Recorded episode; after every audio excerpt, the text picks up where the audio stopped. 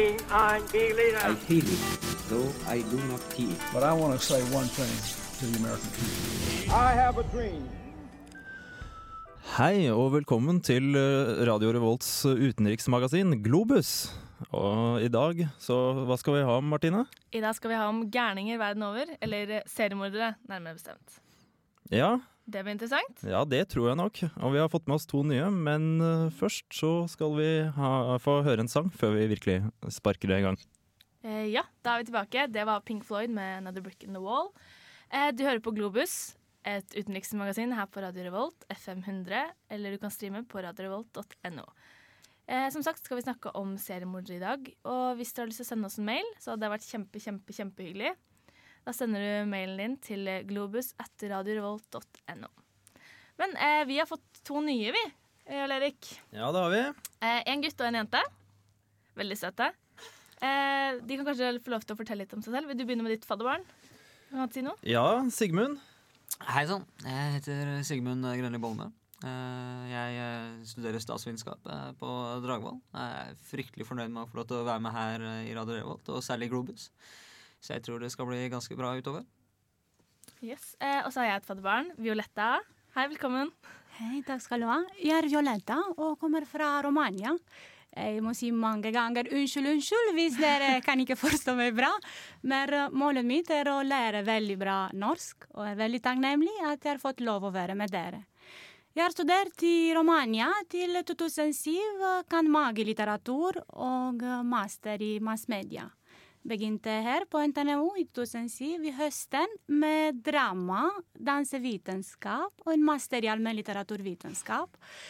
Etterpå vil jeg lære mer og kjenne mer om hvordan fungerer norsk system, og begynte med en master i pedagogikk, um, utdanning og oppvekst, og PPU, drama og profesjonskunnskap. Og fra i morgen skal jeg begynne på Ringve videregående med, i praksis med drama, og håper jeg at jeg skal få lov å begynne med å undervise media og norsk. Ja, jeg håper at dere skal like meg. Jeg skal eh, jobbe veldig mye for å lære språket, og så lage fantastiske sendninger. Ja, Vi har helt klart fått to personer som passer til å være med. Eh, med oss har vi også en fantastisk tekniker, Anders. Hei sann. Hei, Anders. Um, ja, Vi får snakke mer med de nye og høre litt spennende saker. Um, begge de nye har lagd sak i dag. Jarl Erik har lagd sak, jeg har lagd sak, Anders har lagd sak. Um, vi skal blant annet snakke med en som Eller Anders har lagd et intervju med en som har vært på death row i USA. Mm. Var der i 23 år, faktisk. Ja, Vi skal også høre mer om det senere. Men uh, først så tar vi Tanya Morgan med The Make Believer. Good evening. The following newscast is of utmost importance to the security of our nation.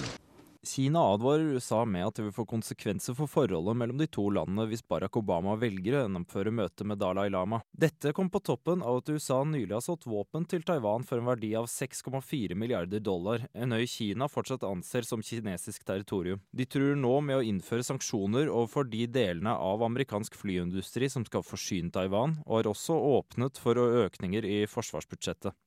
Amerikanerne hevder på sin side at våpenet er av defensiv art, og beskylder i tillegg Kina for å være ansvarlig for et cyberangrep på Google forrige måned. Dette melder BBC og China World News.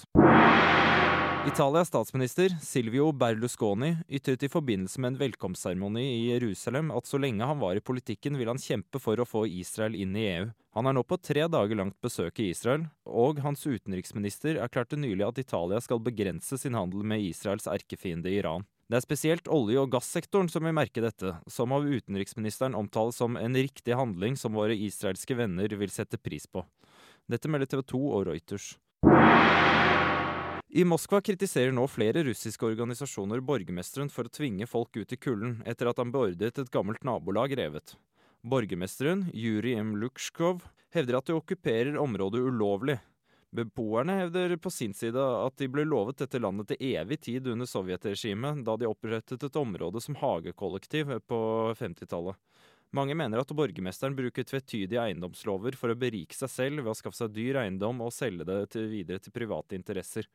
Verken president Dmitrij Medvedev eller statsminister Vladimir Putin har hittil uttalt seg om saken. Dette melder New York Times. Irans president Mahmoud Ahmadinejad skal på Irans statlige fjernsyn ha sagt at Iran vil være villig til å gå med på at landets uran sendes utenlands for å bli anriket, mot at Iran får drivstoff til atomanlegg. Dette kommer etter at flere vestlige nasjoner har ytret at de ønsker sterkere sanksjoner mot Iran pga. økt frykt for at de skal skaffe seg atomvåpen. USA har nylig økt sitt land- og sjøbaserte missilforsvar i sine allierte stater rundt Persiabukten.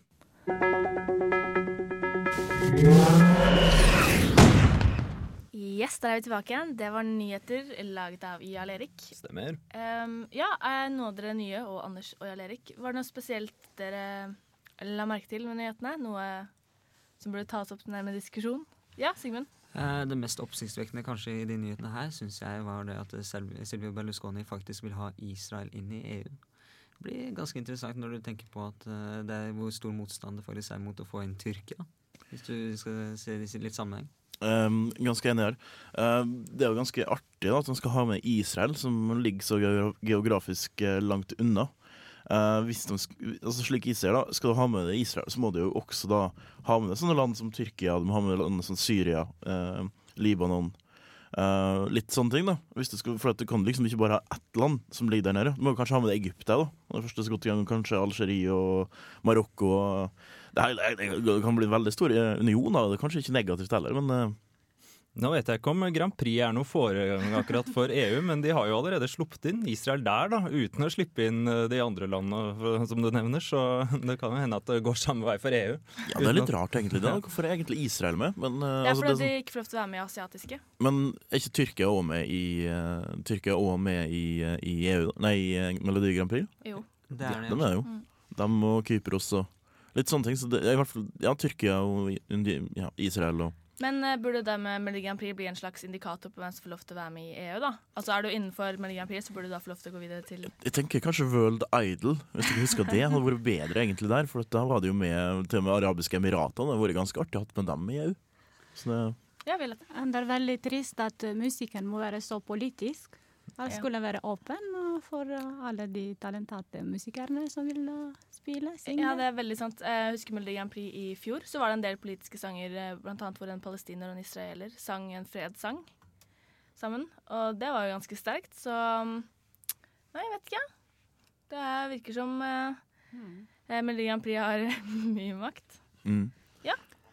Ellers så har du jo det med Kina og USA nå. Altså om det stiller seg Det er jo mange som også har ment at dette her bare er eh, Dette er klassisk, det er sånt som skjer hele tiden. De sier at de krangler, og så må Kina komme med et sånt uh, Si at ja, nå skal vi sa sanksjonere mot USA, og USA må komme litt uh, uh, komme litt kraftig språk mot Kina også, men det er egentlig lite som skjer. De Du hadde noe å si, Sigurd? Nei, jeg tenker på det at det vi prata om eh, litt grann i går, Mm. om at eh, Kina og USA er så fullstendig avhengige av hverandre økonomisk at eh, de i praksis eh, egentlig ikke kan begynne å tulle med hverandre. Yes. Eh, da har vi blasta litt om nyhetene, og nå tenkte jeg vi skulle ta en sang til. Det er Beardfish med The Hunter. Den passer egentlig veldig godt til dagens tema. Det er veldig bra, Anders, at du Ja. har musikkprodusert litt. Ja, Du har jo musikkprodusert litt, og så har Susanne har musikkprodusert litt. Vi har vært flinke alle sammen. Ja da. Men her får du altså The Hunter med Beardfish. Ja, det var Beardfish med The Hunter. Og uh, i i forhold til det temaet vi har med i dag, massemordet, så har jo du laget en sak eh, her. Hvis ikke flere. Eh, ja, jeg har laget fire Ja. sånn uh, noenlunde OK saker. Ja. Eh, den første er om Ted Bundy. Oh, ja. Em, du vet sikkert litt om han. Jeg har hørt navnet. ja. Alle sånn på, Veldig kjent altså De bruker han, prater alltid om han på amerikanske serier. Sånn. ja, han blir gjerne omtalt som eh, selve prototypen på en seriemorder. Han var eh, eh, ikke stygg å se på, veldig sjarmerende. em, og som veldig mange andre seriemordere så hadde han ganske sånn em, dårlig barndom. Ah. Og um, jeg kan si det at ofrene hans de var som regel, eller de var alltid jenter som lignet på ekskjæresten. Oi. Så yes, men vi kan egentlig Ja, den, bare eh, nå får jeg ikke lyst til å høre den, så da bare kjører vi på.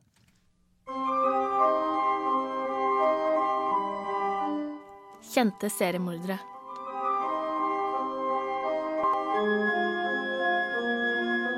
Ted Bundy. Født 24.11.1946 i Vermont.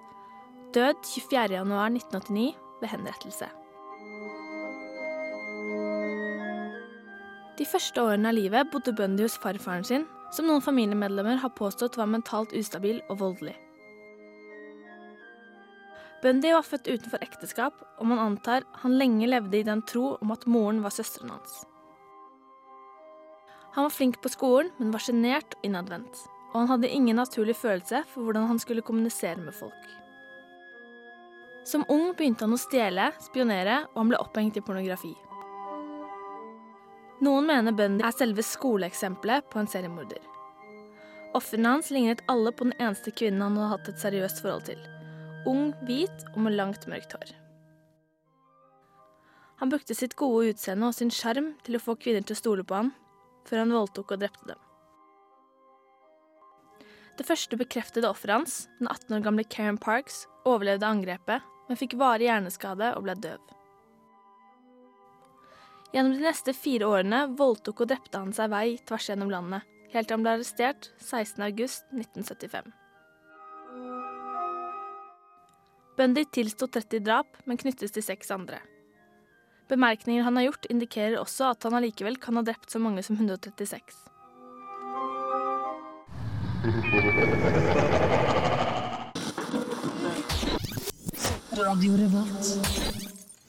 Ja, det var jo en sak om Ted Bundy. Altså, det ble sagt at han var eh, definisjonen på en seriemorder, nesten. Men hva er egentlig definisjonen på en seriemorder? Eh, definisjonen på seriemorder er en person som myrder tre eller fler på en periode på mer enn 30 dager. Og de tar seg gjerne en pause mellom ofrene.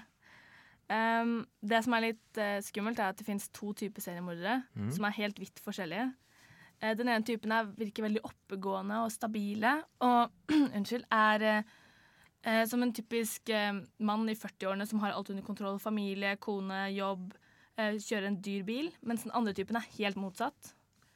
Ja, fordi det er jo gjerne sånn man ser etter eh, hva heter det, en enslige menn ofte. Og i det andre tilfellet, tenker jeg. Ja, så det er to rake motsetninger, ja. Jeg tenker sånn at de, de som er mest farlige, må jo eventuelt være de som virker mest stabile, mest oppegående. Vanskeligst å få tak i. Ja, og så er det, det Majoriteten da, er egentlig single, hvite, ustabile, ustabile menn eh, fra eh, et, eh, som har en barndom som har vært traumatisk på en eller annen måte. Eh, de dreper som regel hvite, andre hvite personer. Um, og de er ofte en slags besettelse for pornografi. Eh, det er også veldig, det er ikke så lett å legge merke til det hos folk, hvis ikke du eh, er tett knyttet til dem. Eh, og det som også er litt spesielt, er at mer enn 60% av alle seriemordere tisset i sengen etter de var tolv år. Så det er eh, mye rart å se etter. Blant annet så er det mange av de som eh, har torturert smådyr som barn. Så de begynner tidlig, da, kan jeg si. Og så er, jeg synes det er litt morsomt sånn, å se på statistikken i land, og hvor mange seriemordere det er rundt omkring. Ja, hvor mange er det her i Norge, for eksempel? Vi har hatt én Oi, seriemorder. som vi vet om, da. som vi vet om. Det skal sies at eh, det er veldig mange vi ikke vet om. Um, I USA så var det i hvert fall Jeg slutta å telle etter 150 eh, identifiserte seriemordere. Um, uh, vi har også hatt en norsk seriemorder som drepte i USA, som du skal få høre om senere. Eh, men kanskje vi skal ta en sang først. Uh, hva med Oasis? Ja, Laila? Ja. Da tar jeg den. Ja, det var eh, alltid så fantastiske Oasis med Laila.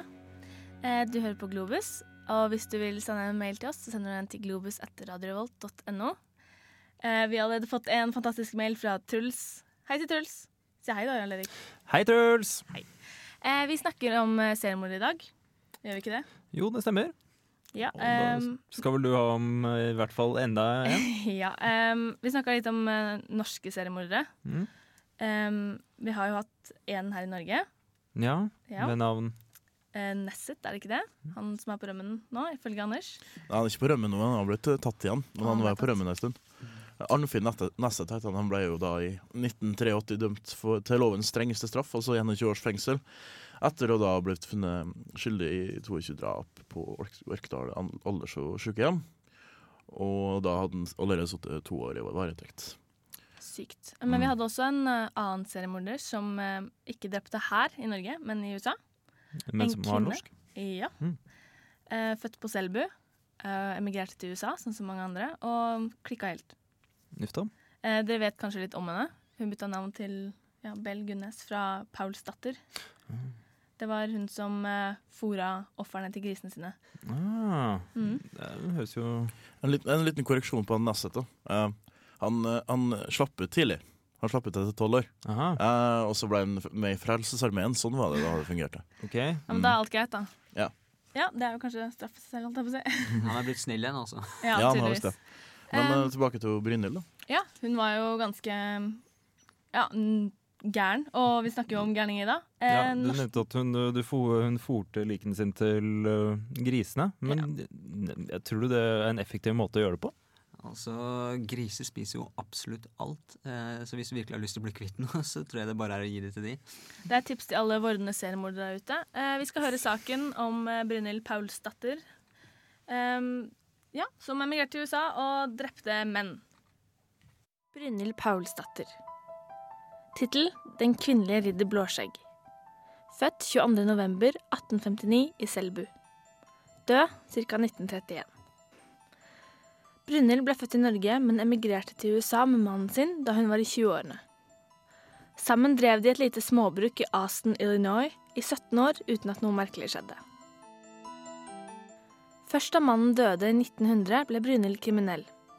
Hun solgte småbruket for ikke mer enn 100 dollar og flyttet til Chicago, der hun åpnet et pensjonat som hun tente på og tok forsikringspengene for. Dette gjentok seg et par ganger før hun giftet seg på nytt og flyttet til en ny gård. Like etter bryllupet døde mannen i en mystisk ulykke som involverte en kjøttkvern. Nok en gang ble forsikringspenger utbetalt. Etter dette begynte hun å trykke små kontaktannonser i avisene der hun søkte nye menn. Når hun fant noen uten slektninger eller noen annen tilknytning, ba hun dem hjem til seg. De ble bedt om å ta med et depositum, så hun kunne se om de hadde ærlige hensikter. Brynhild fikk hjelp av en gårdsgutt ved navn Ray. 28. april 1908 brant Brynhilds gård ned, og fire forkullede lik ble funnet i ruinene. Et hodeløst kvinnelik samt tre barnelik. Kvinnen ble identifisert som Brynhild, og de tre barnelikene som hennes barn. Man fant også dusinvis andre lik rundt omkring på gården. Det har senere blitt avslørt at det ikke var Brynhilds kropp som ble funnet i ruinene, men at hun iscenesatte sin egen død. Brynhild Paulsdatter ble aldri funnet. Ja, vi er jo som du hører som sagt på Globus, og vi har om seriemordere. Og Martine, hva er det Er det noe disse seriemorderne egentlig har felles? si? Um, ja, det er egentlig det. De fleste er, fra, de fleste er ikke førstefødt eller minst. De Mhm. fleste er mm, mellombarn. Da. Em, en stor majoritet har også hatt veldig problemer i barndommen. Enten misbruk eller at de har mista foreldrene sine tidlig. Uh, blant annet en som vi skal ha om uh, senere, Mullin. Han uh, ble kåra til Most Likely to Succeed da han var på high school. Og han hadde Alt var på stell. Det var kjempebra. Inntil bestevennen hans døde i en bilulykke. Og da klikka det litt. Um, og så har vi den doktoren um, Howard et eller annet. Som eh, Harold Shipman, er det? Harold Shipman. Som em, hadde også en grei oppvekst helt til moren døde. Og han var også et mellombarn. Så det er ofte sånne ting som kan utløse, utløse morderiske, morderiske instinkter. Men fordi det her kommer vel jo, jo fram til noe du nevnte, Violetta. Det med at Det går jo på også, va, bare på vanlige mennesker. Det med at Hva sa du? Du sa noe der fra Ja. Hobbes? Jeg sier at uh, de seriemordere er ikke mer farlige for meg enn de normale mennesker som dreper hverandre i utlandet i våre dager.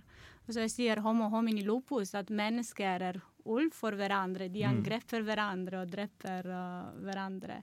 Og Så uh, hvis vi tenker også middelalder, var bare en sirkus. og folk drepte hverandre, var heksprosesser, og alle likte å se uh, Det, ja, det er jo et godt poeng. Vi har jo også Colosseum og i det hele tatt som helt vanlige mennesker syns var Eh, Det er for så vidt eh, helt riktig, Jarl. Eh, Du kan tenke på det at Henrettelse henrettelser helt opp til Godt ut på 1800-tallet, siste henrettelsen i Norge, altså en halshugging, den var veldig mange mennesker som eh, kom for å se.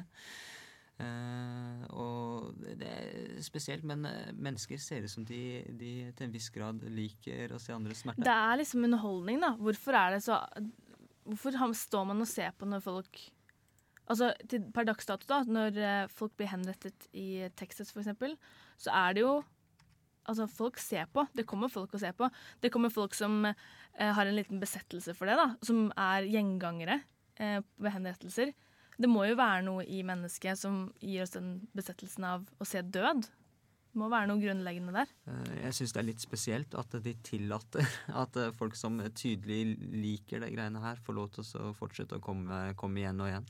Hadde jeg vært fengselsvakt, så hadde jeg nok blitt en aldri så liten smule altså Jeg hadde syntes det var litt suspekt hvis en person møter på veldig mange henrettelser, for å si det slik.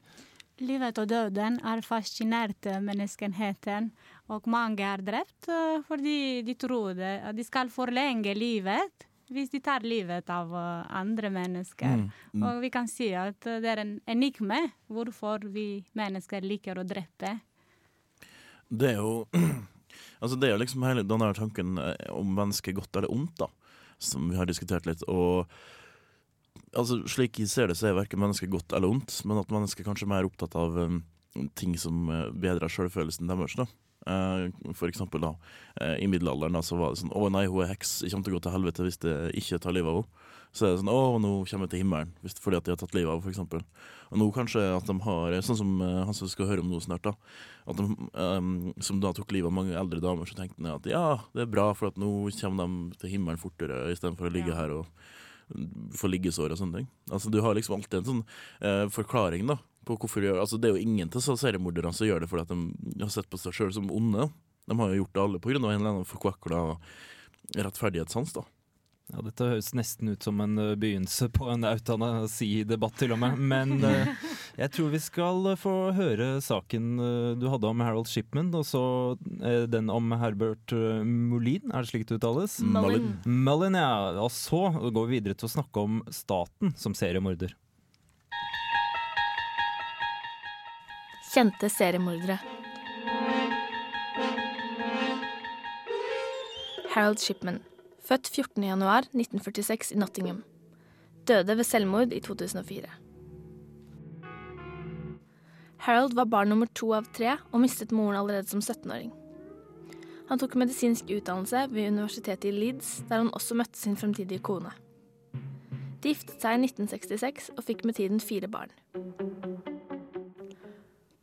Harold åpnet en praksis i 74 og ble samtidig avhengig av smertestillende midler.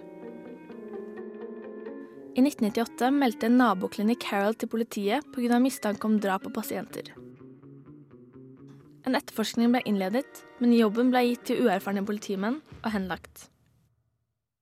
Da han forfalsket et testament, ble det imidlertid gått etter i sømmene på ny. Det ble da avslørt at legen hadde tatt livet av minst 260 personer. De fleste av ofrene hans var eldre, friske kvinner. Men det ble avslørt at han også drepte en fireåring.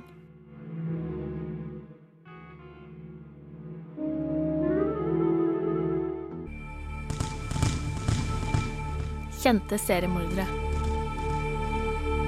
Herbert Mullin, født 18.4.1947 i California, lever fortsatt. Som barn var Mullin svært oppvakt og snill.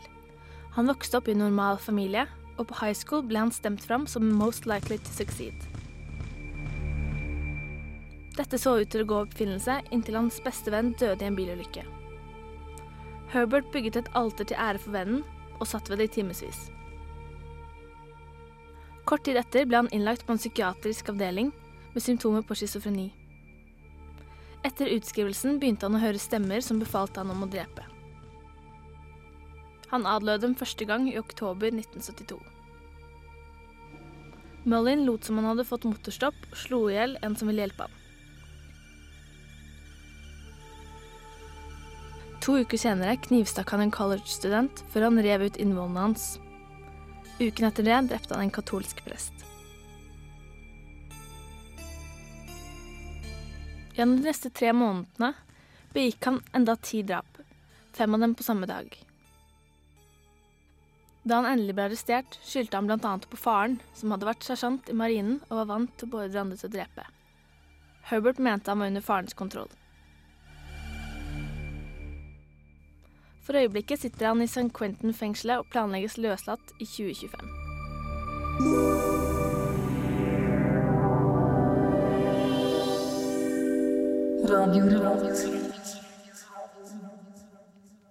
Ja, det var en sak om Herbert Mullin, og så hørte vi Pelbo inni der et sted. Eh, Trondheims band, veldig flinke.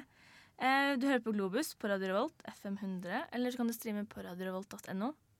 Eh, vi har også podkaster, veldig viktig å laste ned. Gå inn på iTunes, søk på Globus, så kan du ha oss i iPoden. Det er veldig morsomt.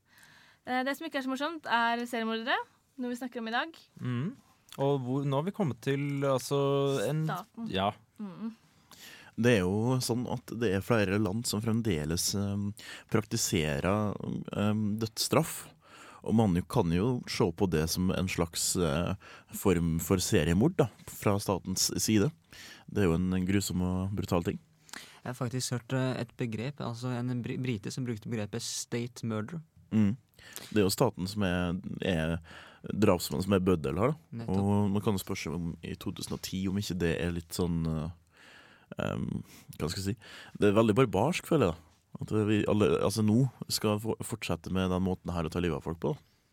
Er for så vidt ganske enig, og som vi prata om tidligere, så fant vi ut at eh, Amerika har jo fortsatt dødsstraff i mange stater, mens Russland f.eks. har fjerna dødsstraffen. Og hvis du kommer bort til en eh, amerikaner og sier at eh, Russland er faktisk mer sivilisert enn det dere er så, Kanskje det rykker en nerve. Eh, Når vi snakker om USA, så tenker man gjerne at de har ganske humane ehm, eh, metoder for å gjøre det her, da. Men jeg har lest at eh, faktisk 156 ehm, eh, stykker har dødd i den elektriske stolen siden 1976. 11 i gasskammer. Eh, tre ved henging og to ved å bli skutt. Og mm, ja. Ja, og altså nå Den høres jo ut som fryktelig barbariske metoder, men øh, altså den sprøyteformen er jo altså det med, Man har man begynt med lethal injection, men det er visstnok ikke så veldig mye bedre, egentlig. Fordi poenget er at det det gjør med systemet ditt, er at det, det låser nervene dine på en måte som gjør at du kan ikke vise smerte, men innvendig så koker du, du mens du dør. Så det er en ganske forferdelig måte å dø på, det. Mm. Um, det var jo et, uh, britisk, en britisk dokumentar som gikk ut på hvordan var den mest humane måten å ta folk på. Hvorpå de da fant ut at um, det å ha det med sånne høydekammer, sånn trykkekammer, da, sånn at du får sånn Altså det blir mindre og mindre luft, da. Så blir du mer og mer euforisk før du dør. var den mest humane måten å gjøre det på. Og så snakka jeg med en av disse som er for dødsstraff i USA. En av som er liksom for uh, The Victims uh, uh, Ja, lobbyistene, for dem som vil ha De sier jo dette, men vi vil ikke ha dem til å dø på en skånsom For det skal jo være straff. Det skal være straff som skal pines til sine siste åndedrag. Um, og det som er litt sånn interessant, da, er at selv om det er 58 land da, som fremdeles, eh, i hvert fall på papiret, eh, praktiserer fremdeles dødsstraff, så var det slik i 2008, da, som er liksom de beste tallene som vi har akkurat nå. Um, så var det Kina og Iran og Saudi-Arabia og Pakistan og USA som sto for 93 da, av alle de registrerte henrettelsene da, i hele 2008. Og der har du, Det er litt sånn interessant, da, for du har jo liksom Kina som ja, de har jo et um, menneskesyn som er jo ganske sånn sketchy, da. Og de har jo, de har jo det for å ta livet av folk ganske, ganske over en lav, lav sko. Det samme gjelder jo Iran, som har det med å gjøre alt mulig rart. Skyting tror jeg er veldig vanlig der. Saudi-Arabia, det er jo de har jo liksom sedeløst politi og en gjeng med gærninger, egentlig. Og Pakistan, der er det jo masse, masse trøbbel. Eh, men så har du liksom USA som skal være stabilt og oppe, oppegående land, da. På en litt annen måte enn det de andre landene er. Uh, og det, det er et demokratisk land, og det er et land der du har som fungerer. Uh, og du har liksom mer folkestyre og sånne ting. Fremdeles da, så er de en av de største draps, uh, drapsstatene i hele verden. Og det er jo litt interessant. Um, ja, er, jeg syns det er veldig interessant. Jeg har sittet og lest litt nå og funnet ut at eh, 99% av de som har blitt henrettet i USA, er menn.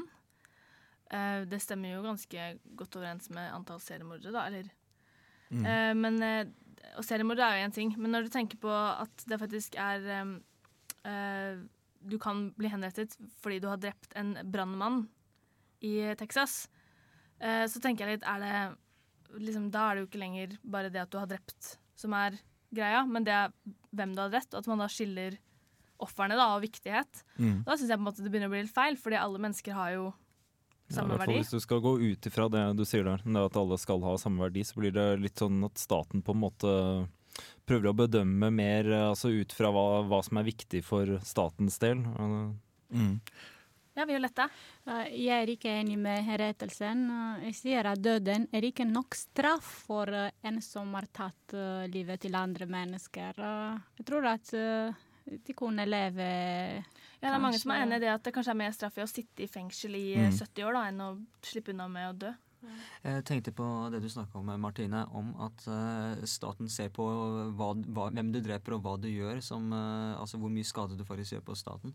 Jeg kan trekke noe der, er at britenes siste død, Altså det siste du kunne bli dømt til døden for i Storbritannia, var faktisk å ødelegge marinens skipsbyggerier, altså. Det Mm. var det absolutt siste som eh, britene valgte å henrette folk på. Og det ser du jo fremdeles da i Europa. Så er det jo to land nå som eh, i hvert fall på papiret praktiserer dødsstraff, og det er jo eh, Hviterussland. Og så er det også jeg tror det var Estland, eller noe sånt, men Estland har bare for krigsforbrytelser. Og det er veldig sånne strenge eh, ting som også må eh, være godkjennes før du kan bli dømt til døden i Hviterussland også. Jeg tror det er sånn cirka landsforræderi. Eh, Man kan jo spørre seg hva det er for tida, men eh, det er likevel ganske vanskelig å bli dømt til døden da, der òg. Men eh, altså, det er klart at kriminalitet og det med at staten ønsker på en måte å disiplinere folk i forhold til Det, det ser du spesielt under krig, når enhet er veldig viktig for staten. Og da blir det mer det med å på en måte straffe for å vise at du kan ikke gjøre den type ting. F.eks. desertering. Det å forsvinne da, da blir jo hvem som helst skutt. Det vil skje her i Norge òg, hvis vi skulle havne i krig. Jeg vil gjerne sitere Britney Spears og si at um, dødsstraff er veldig bra, fordi da lærer de til neste gang. Eh, helt fantastisk. Nå er vi jo faktisk eh, inne på noe angående straff. Ja, og Før vi snakker videre, så tar vi en sang av Broken Bells. Her er Citizen.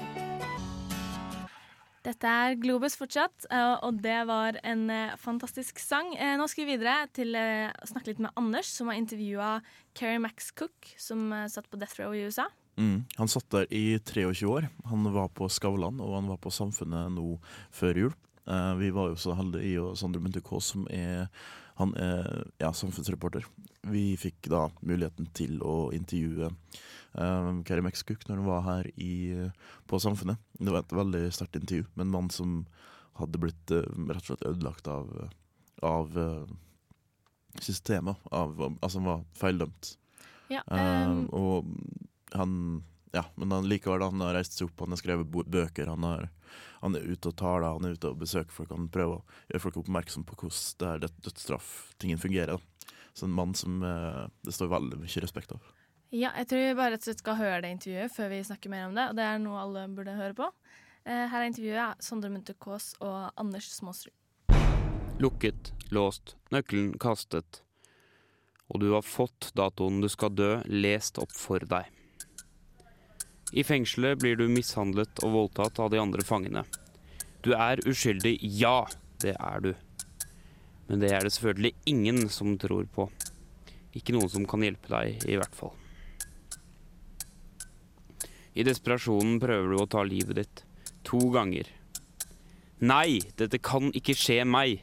Jeg lever i et opplyst demokrati. Marerittene vekker deg om natten, og du våkner kun for å innse at det hele er ditt liv, realisert i et mareritt. Carrie Max Cook satt 23 år på death row. Uskyldig. Dette etter å ha fått en dødsdom på slutten av 70-tallet, basert på indisier. I det texanske rettsvesenet holdt det med et fingeravtrykk som visstnok kunne dateres til et klokkeslett for å dømme mannen til døden. Videre antok man at heterofile Cook var en degenerert homse som med kaldt blod hadde slått i hjel Linda Joe Evans fordi han hatet kvinner. Kun kort tid før dødsdommen skal fullbyrdes, åpnes fengselsdørene for deg. Du er en fri mann, sier noen, og du kan ikke tro det du hører. Frihet er kun et abstrakt begrep for deg nå. 23 år av livet ditt er borte. Men når du til slutt kommer deg ut av fengselet, oppdager du at dine bødler aldri kommer til å bli stilt til veggs. Ikke engang en unnskyldning skal deles ut. I Kerry Cooks egne ord. Have you ever been like officially exonerated by the government of Texas? not officially exonerated, but I'm now uh, pursuing, based on the, the finding of the DNA evidence in my case, I am pursuing full exoneration with the uh, Innocence Project of Texas, and a law firm is uh, representing me. Yes. Why is it so that there is has no been been no official exoneration? Uh, because Texas uh, didn't have the integrity for that. They uh, uh, would rather covered it up that they had sent a man to death row for 22 years and who suffered it like I had. Uh, and uh, it was an admission of guilt. It would have opened him up for a civil suit for civil rights violations, and that's the way it is in America. They don't they don't admit even in cases of DNA that there was a mistake made. So uh, uh, I waited. I've been out 10 years now. I, I wrote a best-selling book called Chasing Justice. I've I've done a movie called Exonerated, and with that kind of credentials behind me, I'm now ready to pursue the full exoneration and compensation for all the years that I suffered innocent in prison. What were the immediate responses um, that you got when you got released from prison? Um, shock because it happened simultaneously. It happened at the same time the, the, the, the law enforcement crime lab released the results of the DNA that they said when they found the DNA, it would prove once and for all I was guilty. And then when it showed it was the original suspect in the case, her married ex lover, uh, it was total silence. It was shock. Are there any reactions towards the people that did wrongful things afterwards?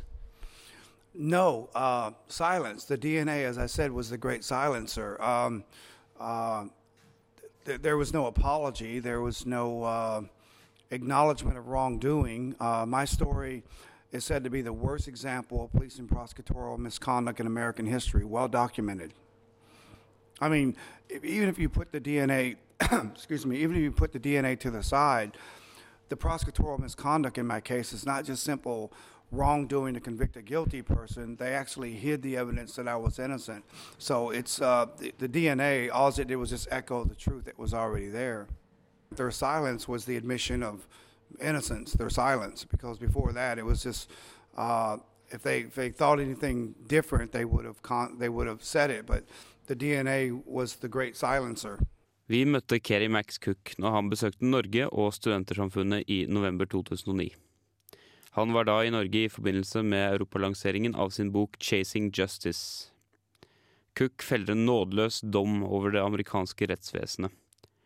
Circumstantial evidence er det vi på norsk kaller indisier.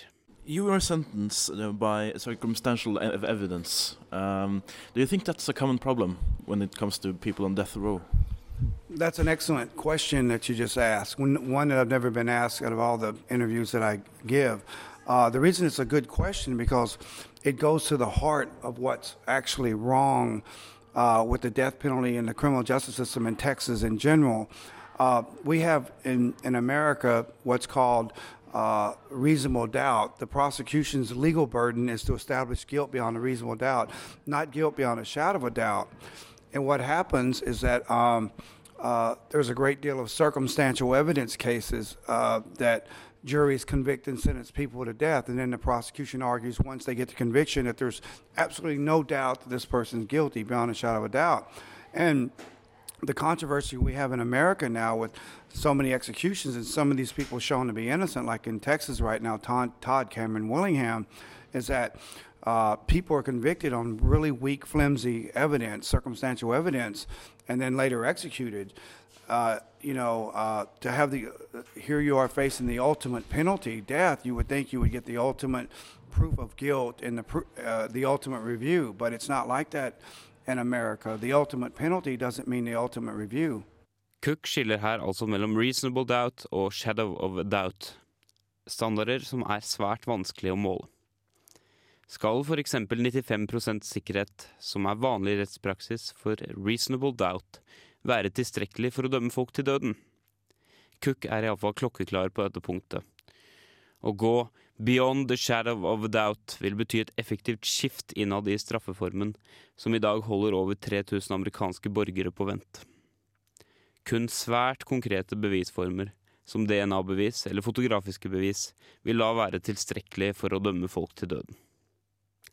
Paradoksalt nok. For det var nettopp DNA som var fellende som bevis da dødsdommen til Cook ble opphevet, og han ble gjort til en fri mann.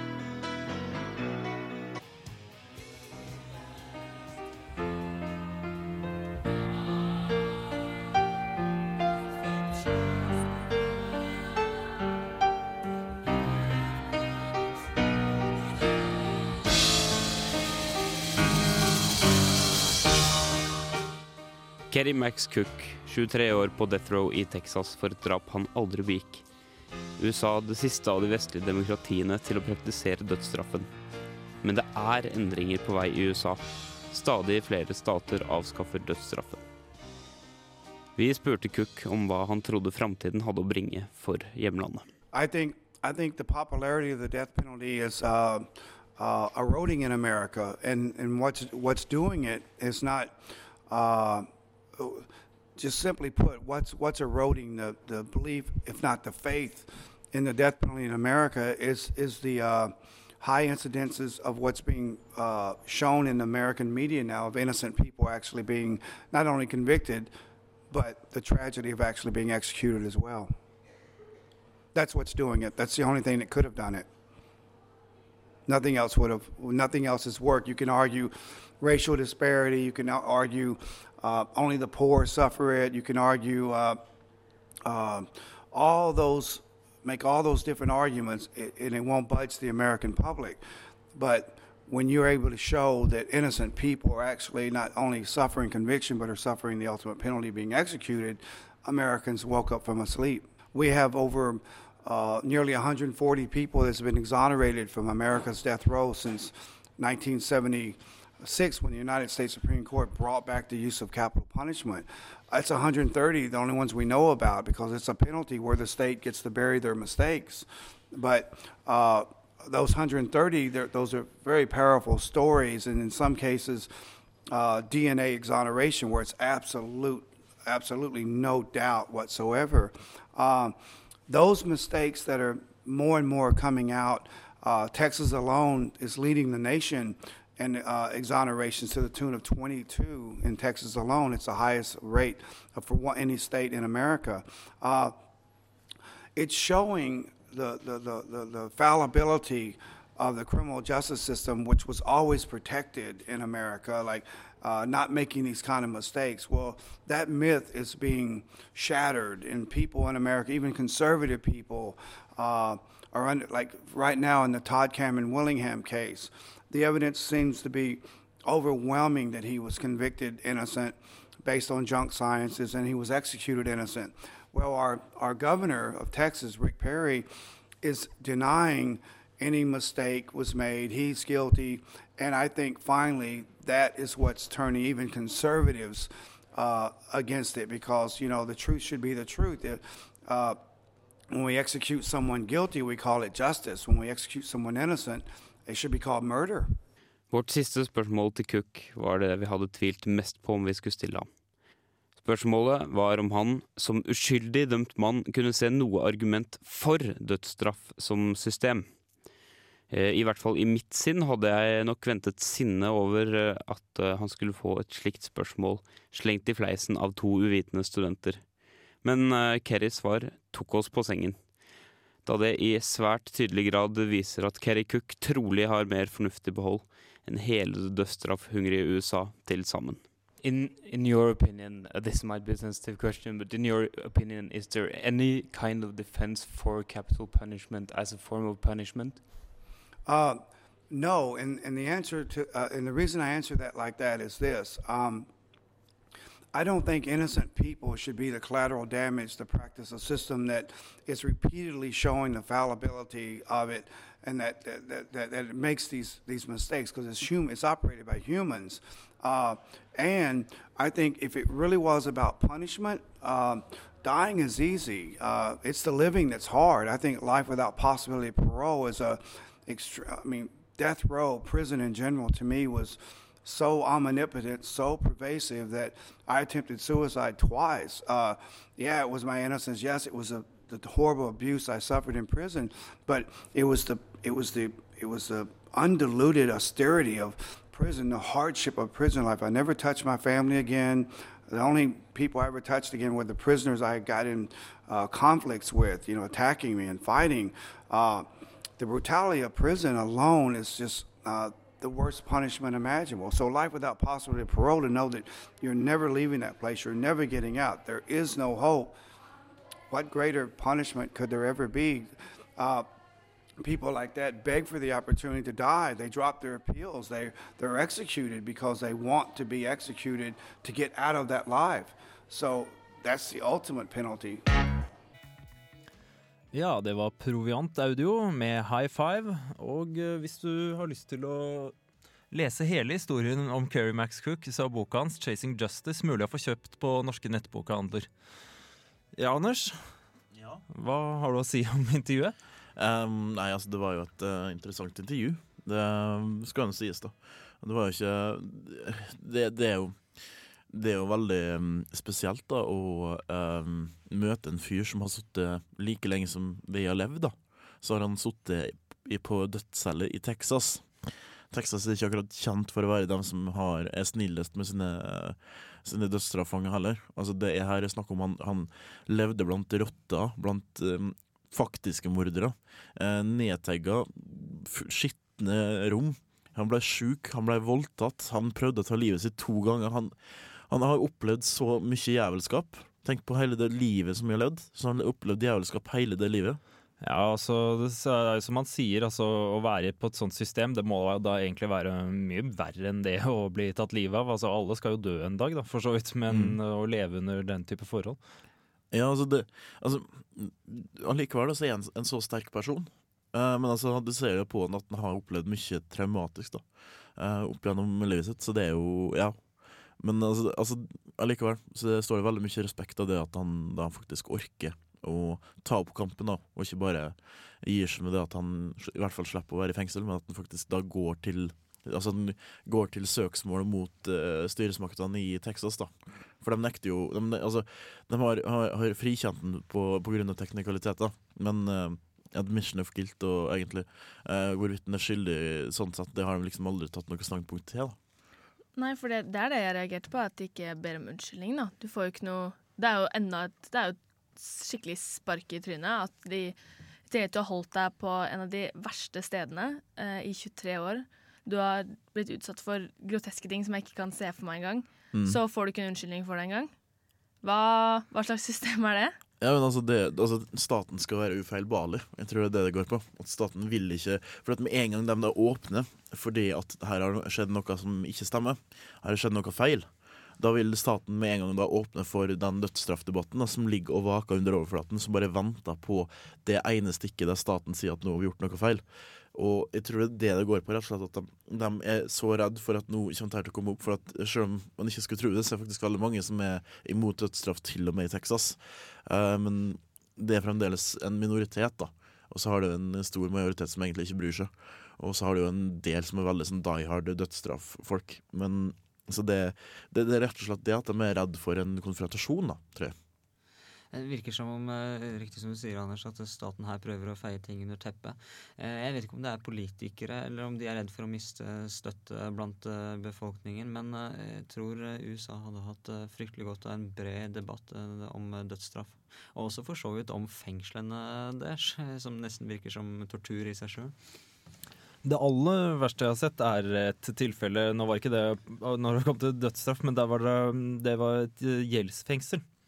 Som var i telt, og de måtte attpåtil betale 100 dollar om dagen for å bo der. Og så jobbet de, men de tjente bare 90 dollar i dagen. Så vil si at når de kom ut av fengsel, så skyldte de penger. Ja, um, for meg er det litt morsomt uh, å høre unnskyld fra staten etter jeg har mistet uh, 30 år fra mitt liv i fengsel. Hva kan hjelpe meg? En unnskyld? Jeg har tatt feil. Ja, og også det å bare få en, eh, en sum med penger, da. Det vil jo aldri være nok for de 23-årene du har mistet med venner og familie. Her, er liksom, her starter du på nytt med mindre enn da du ble født, da. For da du ble født, så kom du inn i en familie, og du ble opplært. Men du må jo trenger jo en ny opplæring når du kommer ut av 23 år på death row, for du er jo ikke et normalt fungerende menneske da. Mm. Um, det er jo faktisk Ja. Um, den unnskyldning er kanskje ikke det, det, det, det vil jo ikke hjelpe noe særlig. Men det er i hvert fall eh, altså, Som det er nå, da, så vil ikke staten engang si unnskyld. Altså vil, vil ikke gjøre noe. For at den, den da føler Altså For den så er Ja, greit nok, du kom ut på grunn av DNA-bevis, men hvem veit hva DNA-bevis er for noe? Det er, jo, det er jo ikke en del av Guds skaperverk, eller et eller annet sånt. da. Det føles litt sånn at de, de faktisk klarer å så, så tvil rundt resultatene du får. da. I mange situasjoner i USA så klarer du å så tvil rundt resultatet du får når du har DNA-bevis. DNA-bevis nå viser hvem det er som har gjort det. Allikevel så er det at de sår tvil. da. Om liksom Altså, det, det er akkurat det at det er liksom i Norge så altså, Du ser det jo på altså, Til og med i USA på CSI så ser du at OK, du fant et hårstrå, ja, da vet du at du var morderen, ha-ha. Men sånn er det ikke i det virkelige USA. da Det virker som de ikke helt klarer å ta inn over seg nye, moderne metoder. At de sitter fast i fortida når det kommer til det å vise skyld. Eh, ja, jeg snakker om CSI. Jeg synes det er litt morsomt at jeg hørte et intervju med Erna Solberg en gang om at uh, i Norge så har vi faktisk en like velutviklet lab som de har uh, som, omtrent som CSI. da. Men staten har ikke råd til å bruke den. Så vi er veldig nymotens, vi, selv om vi ikke tar det i bruk. Um, og så Det er jo veldig bra det at, han, at Cook nå har kommet ut og sier det, det her, for det er jo en, på en måte en straff. da. Han får jo tatt igjen med alle intervjuene. Folk blir mye mer obs på det. Mm, det gjør de nå. Men uh, igjen så er det ingen Altså staten nekter for å ha gjort noe galt, da. Og det er jo en ja, i seg sjøl skummelt. Ja, altså, men justismord er nok noe som er veldig Jeg tror det er veldig problematisk å innrømme. For det er jo veldig mange mennesker som har gjort feil, og som det vil ha konsekvenser for karrieremessig, f.eks., hvis det Ja. skal, skal skje. Men eh, nå har det faktisk her i Norge, og det er jo, var jo lite positivt, der var det faktisk eh, en sak nylig eh, hvor det var en som eh, Det var vel i Aftenposten, eh, hvor det var en som hadde sluppet Altså, han hadde sluppet fri. Uh, og det var etter, og nå har det gått gjennom saken, da, en etterforsker, for å prøve å finne ut av hvordan, hva er det som går galt når folk uh, blir feilaktig dømt. Og det var bare Nei, altså der skyldtes det Altså, altså han, han hadde løyet, og da tenkte jeg at han måtte jo ha løyet av eh, at han var skyldig, men det var mindre forseelser, det var eh, litt eh, narkotika og litt sånt, men han var ikke skyldig i selve drapet. Og eneste grunn til at han egentlig slapp der, var at den personen som hadde gjort det, faktisk var ærlig nok til at han i siste sekund, når han skjønte at man kom til å bli dømt, så meldte han seg. Mm. Eh, sånne ting skjer i Norge også. Det er masse som ikke stemmer i rettsvesenet i, omkring i hele verden. Eh, nå tror jeg at vi kan eh, begynne å sette på en liten sang. Motorpsycho. Ja. 'Knuckleheads in Space X3'. Knuckleheads som i Texas-myndighetene, kanskje? yes. Du hører på Radio Revolt, studentradioen i Trondheim. Ja, du hører som sagt på Radio Revolt her på, på, ja, og programmet Globus. Og vi har i dag om seriemordere, og har akkurat snakket om staten som morder i form, for, i form av eh, som, eh, Ettersom en del stater driver med dødsstraff. Men nå kommer vi kanskje inn på det med en annen form for statsmord, nemlig diktator og alle de tingene de kan finne på å gjøre. Ja, De har jo en del på samvittigheten de eh, gjennom årene. Og en av våre nye, eh, Violetta, har laget en sak om eh, en eh, forferdelig diktator. Ceaucescu. Ceausescu. Mm, ja. Um, jeg vi jeg bare skal høre den, og så snakke litt om den etterpå.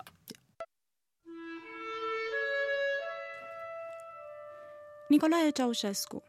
Han var lederen for det kommunistiske Romania fra 1965 til rett før han ble henrettet. Ceausescu var sønn av en bonde og flyttet som elleveåring til Bucharest for å bli lærling hos en skomaker. Da han var 15, ble han medlem av det den gang illegale Romanias kommunistparti, og som følge av dette ble han arrestert seks ganger. I 1965 ble han førstesekretær i det regjerende romanske arbeidspartiet, og i 1968 ble han Romanias president. Imponer som han var over personfikseringen rundt Mao Zedong og Kim Il-sung etter et besøk i Kina og Nord-Korea i 1971, bestemte han seg for å ordne det slik selv. Han utfordret Sovjetunionens makt, noe som gjorde ham til en venn av Vesten og gjorde at han fikk millioner i støtte. Han kastet bort pengene på misforståtte folkereformer, som å jevne rumenske landsbyer med jorda og flytte folk inn i digre boligblokker. Han styrket sikkerhetsbyrået, den hemmelige sikkerhetstjenesten, som systematisk eliminerte motstandere av regimet og sendte dissidenter til spesialleirer for å jobbe seg i hjel. Regimet forbød abort og prevensjon og skrudde opp skattene for barnløse par. Dette førte til befolkningsvekst, noe som igjen førte til økt fattigdom og gjorde at mange barn ble alene og måtte sendes til statlige barnehjem. 1980-tallet herjet en voldsom aids-epidemi i landet, mye av statens manglende vilje til å anerkjenne problemet, til og med til å la folk gifte seg. Omveltningene i Romania jula 1989 ble de blodigste i kommunismens fall i Øst-Europa. Over 2000 mennesker ble drept disse voldsomme dagene. Historikerne er ennå ikke enige om dette var en reell revolusjon, eller om det hele var iscenesatt. En ting er klart. Den revolusjonen virket godt forberedt og organisert. Ekteparet Ceaușescu ble henrettet i Tirgoviste etter en lynrask rettergang første juledag i 1989. Mange har undret seg over at denne herettelsen måtte skje så raskt. Moderne historieskrivere har satt mye fokus på Ceaușescu. For mange er han prototypen på en diktator som Adolf Hitler, Stalin, ledere som kommer fra småkår, som tilegner seg en ideologi, bruker denne og manipulerer seg fram til ubegrenset makt. I en periode så lenge propagandamaskineriet og frykt holder dem på topp. En del av mennesker i Romania synes å ha tilgitt Ceaușescu. At de til og med drømmer tilbake til denne tidsepoken i Romanias historie. Det er stort sett eldre mennesker. Man må se det i lys av den vanskelige situasjonen. Mange mennesker, og kanskje nettopp eldre, har i det nye Romania. Butikkene flommer over av varer, men man har ikke råd til å kjøpe dem. På begynnelsen av 80-tallet var det omvendt. Man hadde en jobb og litt penger, men det var ikke noe å kjøpe uten å stå i kø.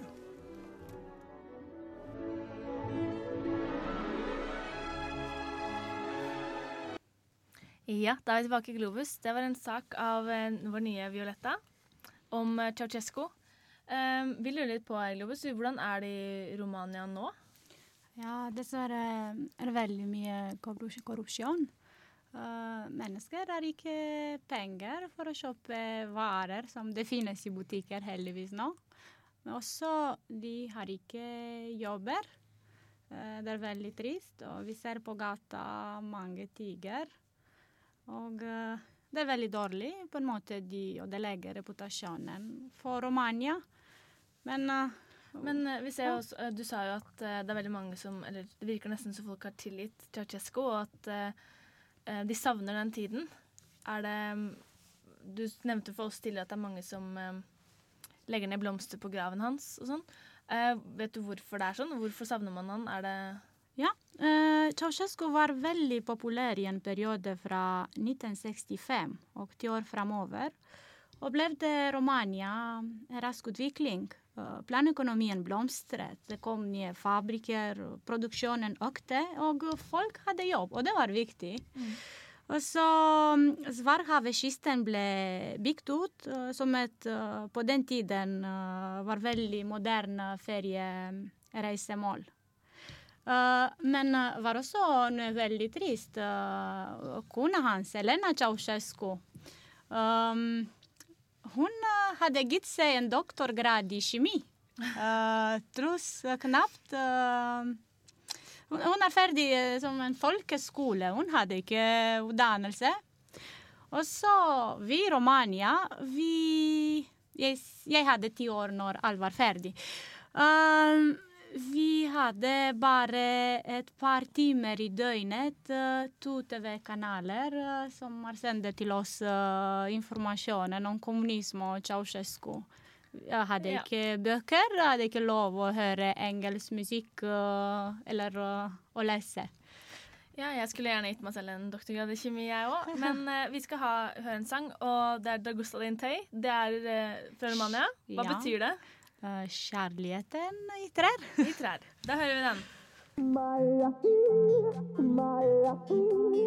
Ja, og Sigmund, du har jo hatt en uh, liten sak om uh, et eh, annet regime som også har vært relativt morderisk, eh, Nord-Korea. Det har jeg. Eh, Det landet er vel eh, et av de landene som virkelig kvalifiserer til eh, begrepet statsmord.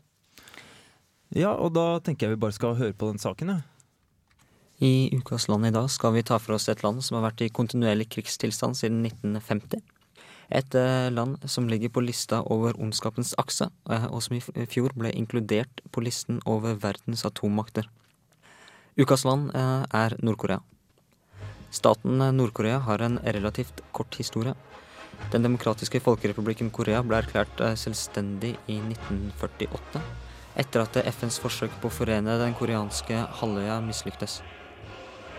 Koreakrigen eh, brøt ut i 1950, altså relativt kjapt, eh, og var i utgangspunktet et nordkoreansk forsøk på å samle hele halvøya under nordkoreansk og kommunistisk kontroll.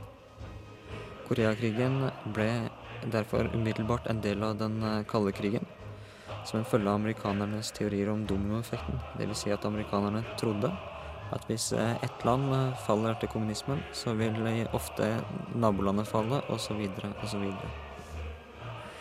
Ved våpenhvilen eh, etter Koreakrigen i 1953 så sto grensen mellom Nord- og Sør-Korea nøyaktig ved den 38. breddegrad. Dvs. Si omtrent samme sted som den hadde stått ved krigsutbruddet. Koreakrigen skulle komme til å ha stor innvirkning på både Sør- og Nord-Korea. Under den kalde krigen så var eh, Nord-Korea avhengig av Sovjetunionen og Kina.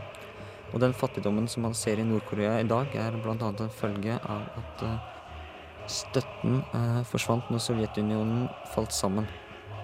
FN ga i 2006 ut en rapport som anslo at ca. én av tre barn i Nord-Korea var underernærte. Eh, og selv om situasjonen eh, nå er bedre enn eh, det den var på 90-tallet, så har Nord-Korea fortsatt store problemer med å fø befolkningen. En av hovedgrunnene til dette det er at militære og landets ledere får bruke store deler av statsbudsjettet. Nord-Korea har ca. 1,2 millioner soldater og militærpersonell. Altså en stående hær som utgjør 20% av den mannlige befolkningen mellom 17 og 54. Den tar betydelige deler av ressursene. Hæren er i stor grad utdatert, men størrelsen er allikevel et eh, betydelig problem for landets økonomi. Eh, og De siste årene så har også Nord-Koreas utvikling av atomvåpen skapt eh, spenning i forhold til resten av verden, og da særlig USA, som eh, fortsatt eh, har et visst ansvar for Sør-Koreas sikkerhet. Eh, USA har bl.a. 30 000 soldater stasjonert på grensa mellom Sør-Korea og Nord-Korea. Det politiske miljøet i Nord-Korea domineres fullstendig av det koreanske arbeiderpartiet og lederen Kim Jong-il, som eh, har bygd opp en eh, altså personlighetskult rundt seg selv og faren hans. Presse- og ytringsfrihet eh, i Nord-Korea er meget sterkt regulert, og det antas at når Kim Jong-il dør, så kommer en av sønnene hans til å overta. Eh, All presseinformasjon eh, Nord-Korea går gjennom et sentralt byrå som eh, gir ut informasjon til nordkoreanske medier. Om det er sånn at du likevel har lyst til å dra til Nord-Korea for å se, se på forholdene, så vil du måtte forberede deg på å dra i reisefølge. Og hvert reisefølge har minst to guider som helst skal snakke morsmålet til reisefølget. Disse to guidene de har ansvar for å vise deg det du skal få se. Eh, Men kanskje enda viktigere så har de ansvar for å ikke vise deg det du ikke skal få se. Oh, yes. Ja, det var jo en eh, historie fra regimet du lagde der. Altså fra det regimet, nordkoreanske regimet. Hvorfor valgte du Nord-Korea egentlig, Simen? Sigmund, mener jeg. Jeg syns det passa veldig godt til dette temaet i dag. Tenk på at eh, Nord-Korea har et eh, totalitært eh, styresett. Uh, Iallfall autoritært. Eh, og det er opptil 200 000 mennesker som fortsatt sitter i fangeleirer. Altså da i hovedsak politiske fanger. Eh, folk forsvinner. Eh, Nordkoreanere er blitt beskyldt for å kidnappe bl.a. japanske barn. Så jeg synes eh, når du snakker om massemordere og ustabile personer, så hadde det vært litt ålreit å få inn et eh, ganske ustabilt regime også. Ja, og eh, det er, sitter jo noen folk på toppen av dette regimet eh, også, så her er det jo både staten på mange måter som morder, og ikke minst disse som sitter som overhoder. Da, da tenker jeg på Kim Jong-il og Ikke sant. Uh, Kim Jong-il har jo bygd opp en personlighetskult rundt uh, seg. Uh, og den evige presidenten, altså faren hans, Kim Il-sung, tror jeg det blir. Eh, og det som er litt morsomt angående akkurat det der, er at altså, i praksis skal det være en marxistisk, altså en kommunistisk stat. Eh, Eller teorien. Eh, men i praksis så vil jeg heller si at det begynner å nærme seg mer et dynasti, altså et kongedømme. Fordi at eh, familien til Kim Jong- Jong-il har jo nå hatt makta, og det er mest sannsynlig at når Kim Jong-il tar, eh, tar turen, så kommer eh, yngstesønnen hans eh, til å ta over. Hmm. Han har allerede begynt å eh, gjøre klart for et- etterfølgerne sine. Ja, og det kommer jo også litt tilbake på det vi nevnte med Altså, nå i det siste har jo Iran fått uh, mye problemer med dette med atomrakettene sine, men det har du vel der, de òg? Ja, altså Nord-Korea bruker vel i hovedsak atomvåpnene til, eh, som et eh, politisk eh, middel. Uh, ja. Ja, eh, det var det for nå. Vi får ta mer debatter senere. Neste uke skal vi snakke om familien eh, her i Globus. Med meg da har jeg hatt tekniker. Anders Mossen. Sigmund Grønli Bolme. Violetta Bassa. Jarle Erik Mathisen. Og jeg er Martine Feste Ellefsen. Etter oss så kommer det det enda et bra, bra show. Ja, masse bra show. Um, hvis du hører prisen, så er det på søndager fra 10 til 12. Og hør på oss neste onsdag fra 12 til 14.00 her på Radio Revolt, enten FM 100 eller radiorevolt.no. Uh, vi avslutter med Raga Rockers når knokler blir gelé. Ha det! Ha det.